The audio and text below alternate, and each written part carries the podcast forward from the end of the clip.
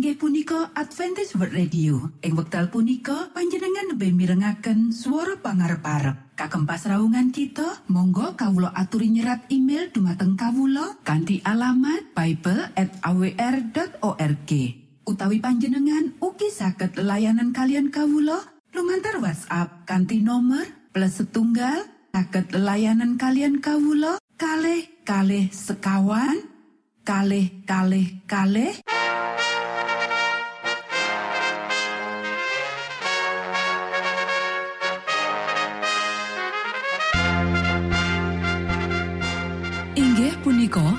Adventis World Radio ingkang giaran kanti basa Jawi. Tentrem Rahayu Kulo aturaken kagem poro Mitra kinasih ing pundi papan lan panggonan. Sugeng pepanggian malih kalian Adventis World Radio. Kanti bingahing manah Kulo badi sesarengan kalian poro Mitra kinasih lumantar saperangan adicara ingkang sampun rinonci mligi kagem panjenengan sami. Mugi giaran punika saged migunani tuwin dados berkah kagem kita sedaya. Sugeng midhangetaken Gusti amberkahi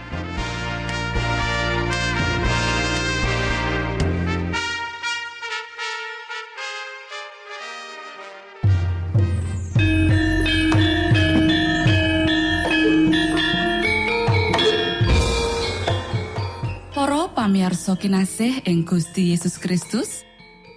Ing wekdal punika kita badi sesarengan ing adicara ruang kesehatan. Ingkang saestu migunani kagem panjenengan soho kita sami. Tips utawi pitedah ingkang dipun aturaken ing program punika tetales dawuhipun Gusti ingkang dipunnyatakaken ing kitab suci. Semantan ugi sakehing seratan ingkang dipun wangsitaken dening Gusti Allah. Nanging saderengipun Monggo kita sami midhangetaken kidung pujian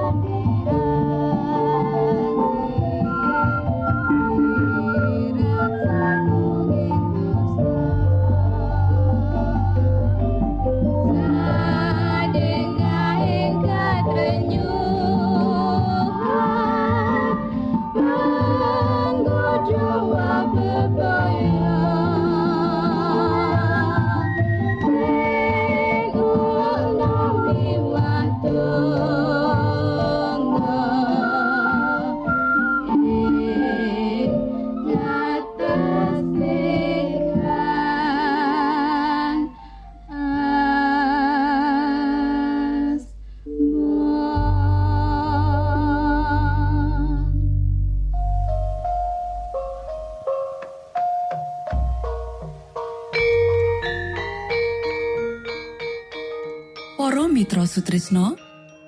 Puji syukur dumateng Gusti ingkang murbeng dumati ingkang sampun kepareng paring wewenngan kagem kita. Satemah saged nglajengaken ruang kesehatan. Pirembakan kita semangke kanthi irah-irahan. Sawijining korban sing ora cacat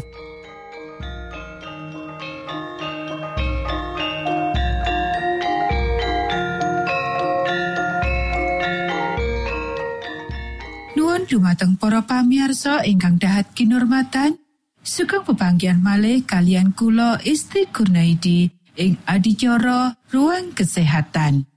Ing dinten punika kanthi irah-irahan sawijining korban sing ora cacat. Para sedherek ingkang kinasih panurutan sing teliti marang angger-anggering Gusti sing wis ditandurake sakjroning diri kita bakal jamin kesehatan lan ora bakal ono kahanan jasmani sing merosot.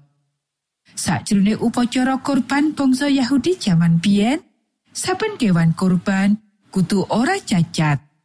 Sakjroning ayat iku dikandakake supaya kita bisungsungake badan kita minangka kurban kang urip lan suci sarta kang dadi keparengi Gusti Allah. Yoiki pelatusan kita sing sapantese. Kita iki ya iku titahane Gusti Allah. Sawetara mikirake titahane Gusti Allah sing gumunake sakjroning badan menungso, pamaspur ngendika. Kawula ngucap syukur dumateng Patuko, margi elok ngibate pati katatosan kawula. Para sederek, akeh wong sing kadide ing ilmu pengetahuan nanti ngenal teori kebenaran, nanging dheweke ora memahami angger-angger sing ngendhaleni badane. Gusti Allah wis maringi piranti lan keterampilan. Dadi putra putri Gusti Allah, kita wajib manfaatke sak becik-becike. Menawa kita ngringkehake kuasa badan lan pikiran kanthi pakulinan-pakulinan olo utawa pemanjaan selera, mula ora mungkin kita ngurmati Gusti Allah kaya apa mestine. Para sederek, Gusti Allah mundut supaya badan kita dipasrahake marang panjenengane dadi korban sing urip, tutu sing mati utawa sing sekarat. Bisungsunge wong Yahudi iku kutune ora cacat. Apa nyenengake kanggo Gusti Allah kanggo nampa pisungsung sing poso utawa lara-laranen? Panjenengane nandeske menawa badan kita iku petalemane Sang Roh Suci. Panjenengane ngersakake kita kanggo ngopeni petaleman iki supaya dadi papan tunung sing cocok karo sang roh suci. Rasul Paulus maringi nasihat iki marang kita. Awakmu iku dudu awakmu dhewe, sebab kowe wis padha tinuku lan wis kabayar lunas. Mula padha ngluhurna Gusti Allah srana badanmu. Kabeh wong kudu mbudidaya kanggo ngrumat badan sakjroning kahanan sehat. Supaya dheweke bisa nglantosi Gusti Allah kanthi sampurno lan nindakake kewajibane kanthi becik sakjroning lingkungan keluarga lan masyarakat. Para sederek, kita kudu memahami cara mangan, ngombe lan nyandang demi pangrumating kesehatan. Leloro timbul amarga panerak marang angger-angger kesehatan. Iku iyo akibat saka panerak angger-angger alam. Kewajiban kita sing utama ya iku mituhu angger-anggering Allah kalebu kesehatan. Iki nyangkut utang kita marang Gusti Allah, awake dhewe lan pepadane manungsa. Menawa diri kita kaserang leloro, kita ngepot-poti para sakabat kita. Mengkono uga kita mbebanake kewajiban kita marang prayat keluarga lan tonggo teparo. Menawa dumati pepati durung wancine akibat panerak kita marang angger-anggering alam kita nggawa kasusahan marang wong liya. Kita nyusahake tangga amarga kita ora bisa maneh mitulungi dheweke. Kita ngrampas ketenangan anggota keluarga. Kita ora bisa maneh mitulungi dheweke kaya mestine. Kita ngrampas Gusti Allah amarga kita ora bisa maneh nglatosi panjenengane sakjroning kaluhurane. Banjur, sakjroning tegesing ombo, Apa kita ora nerak angger-anggering Allah? Para sederek, nanging Gusti Allah Maha Murah, welas asih lan lembah manah. Menawa pepadang manjar marang wong-wong sing wis ngrusak kesehatane dening pemanjaan dosa, banjur dheweke nyadari dosa iku banjur meratobat lan goleki pangampunan. Mula Gusti Allah nampa bisungsunge. Usai lebut kamurahan penggalihe nganti panjenengane ora nolak wong dosa sing sengsara nanging meratobat. Sakjroning kamurahane, Gusti Allah nyelametake jiwane saka geni. Matur nuwun, Gusti amberkahi.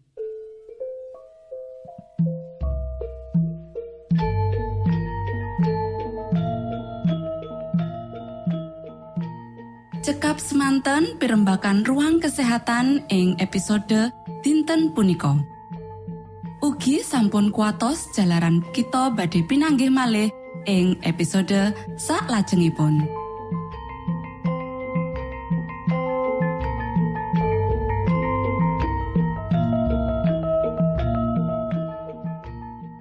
Inggih punika adicara ruang kesehatan.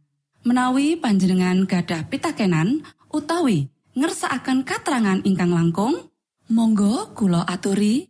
Kinton email dateng alamat ejcawr@ gmail.com utawi lumantar WhatsApp kanti nomor 025 pitu 00 songo songo papat 00 pitu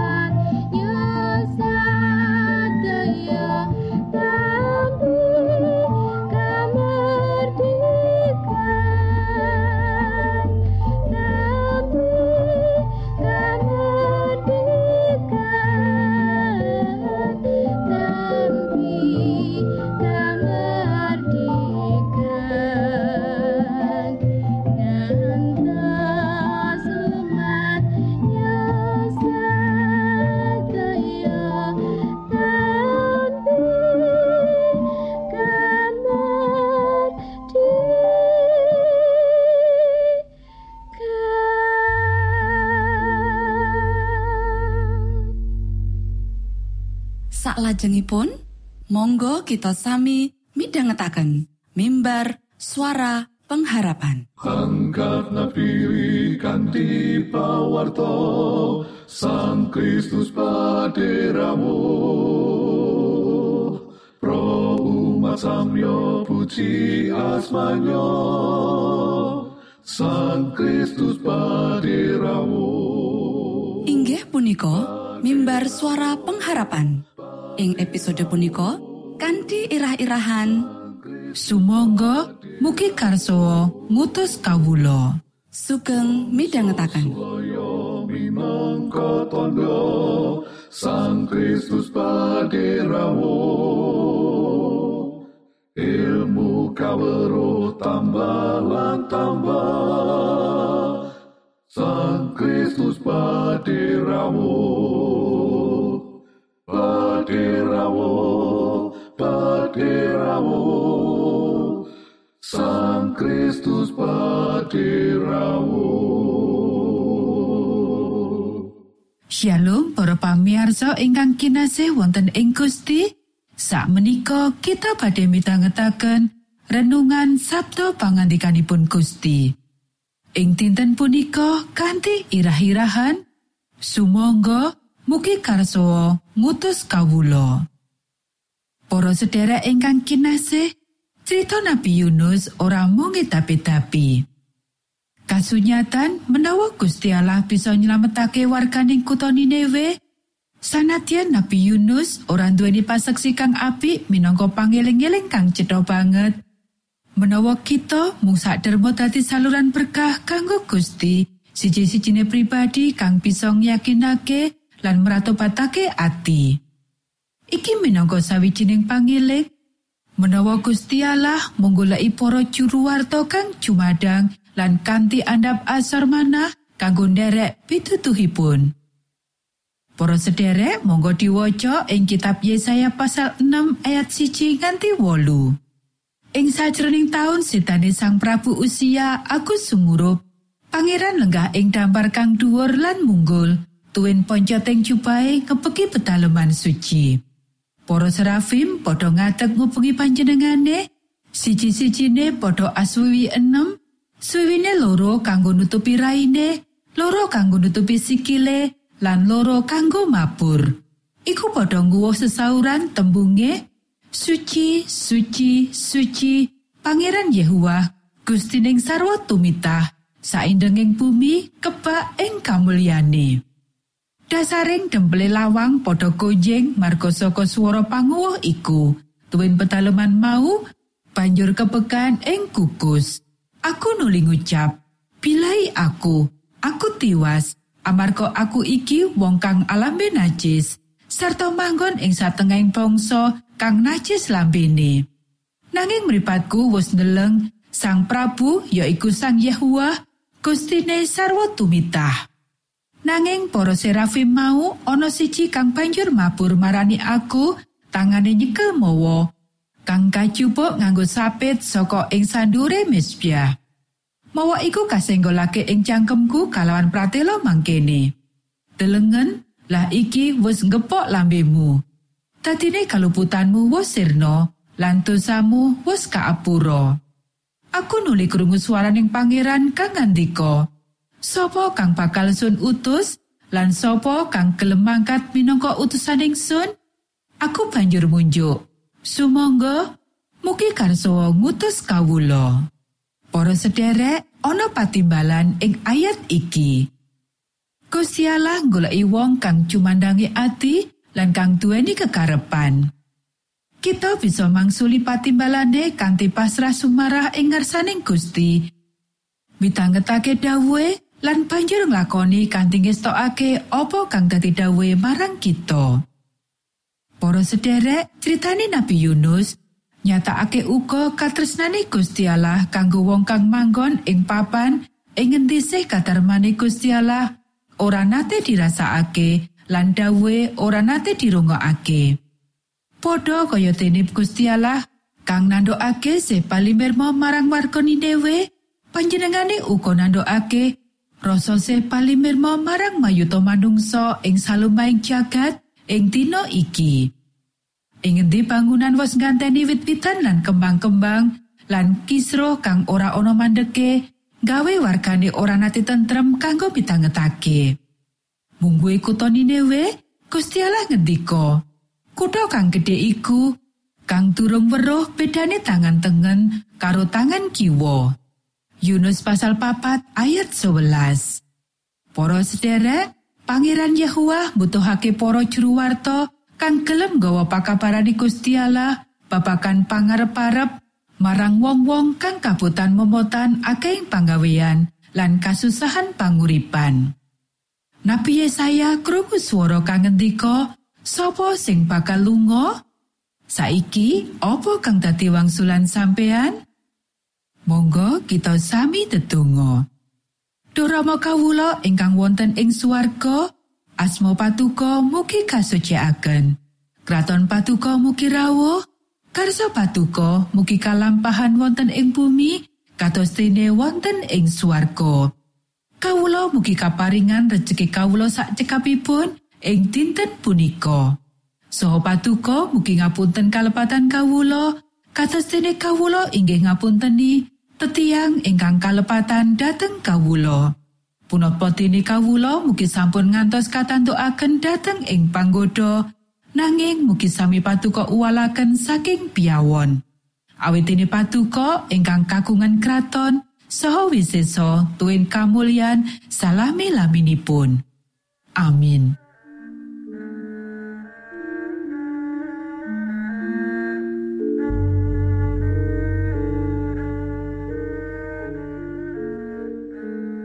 Mitra Sutrisno pamiarsa kinasih ing Gusti Yesus Kristus. Sampun paripurno pasamuan kita ing dinten punika.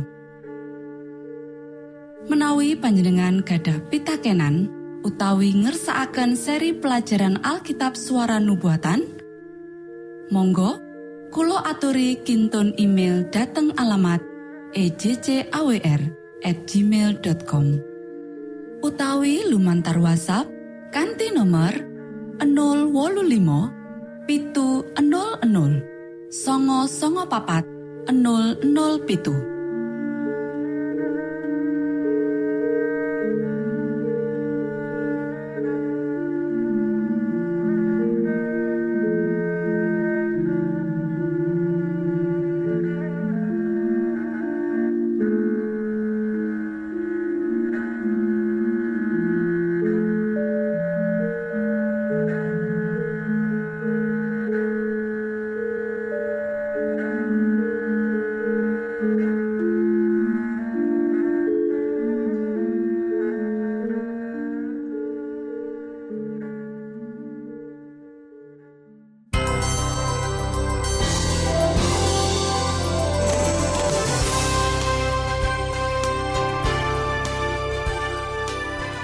Matur nuwun kagem wektalipun kita badhe pinanggih malih ing gelombang ugi wekdal ingkang sami.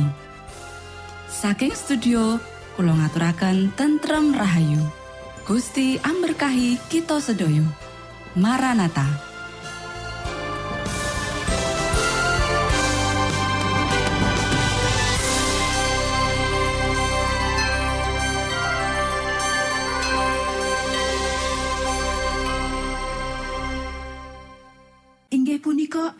Adventist Radio. Ing wekdal punika panjenengan lebih mirengaken suara pangarep-arep. Kagem pasraungan kita, monggo kawula aturi nyerat email dumateng kawula kanthi alamat bible@awr.org. Utawi panjenengan ugi saged layanan kalian kawula lumantar WhatsApp kanthi nomor plus setunggal saged layanan kalian kawula kalih kalih sekawan kalih kalih kalih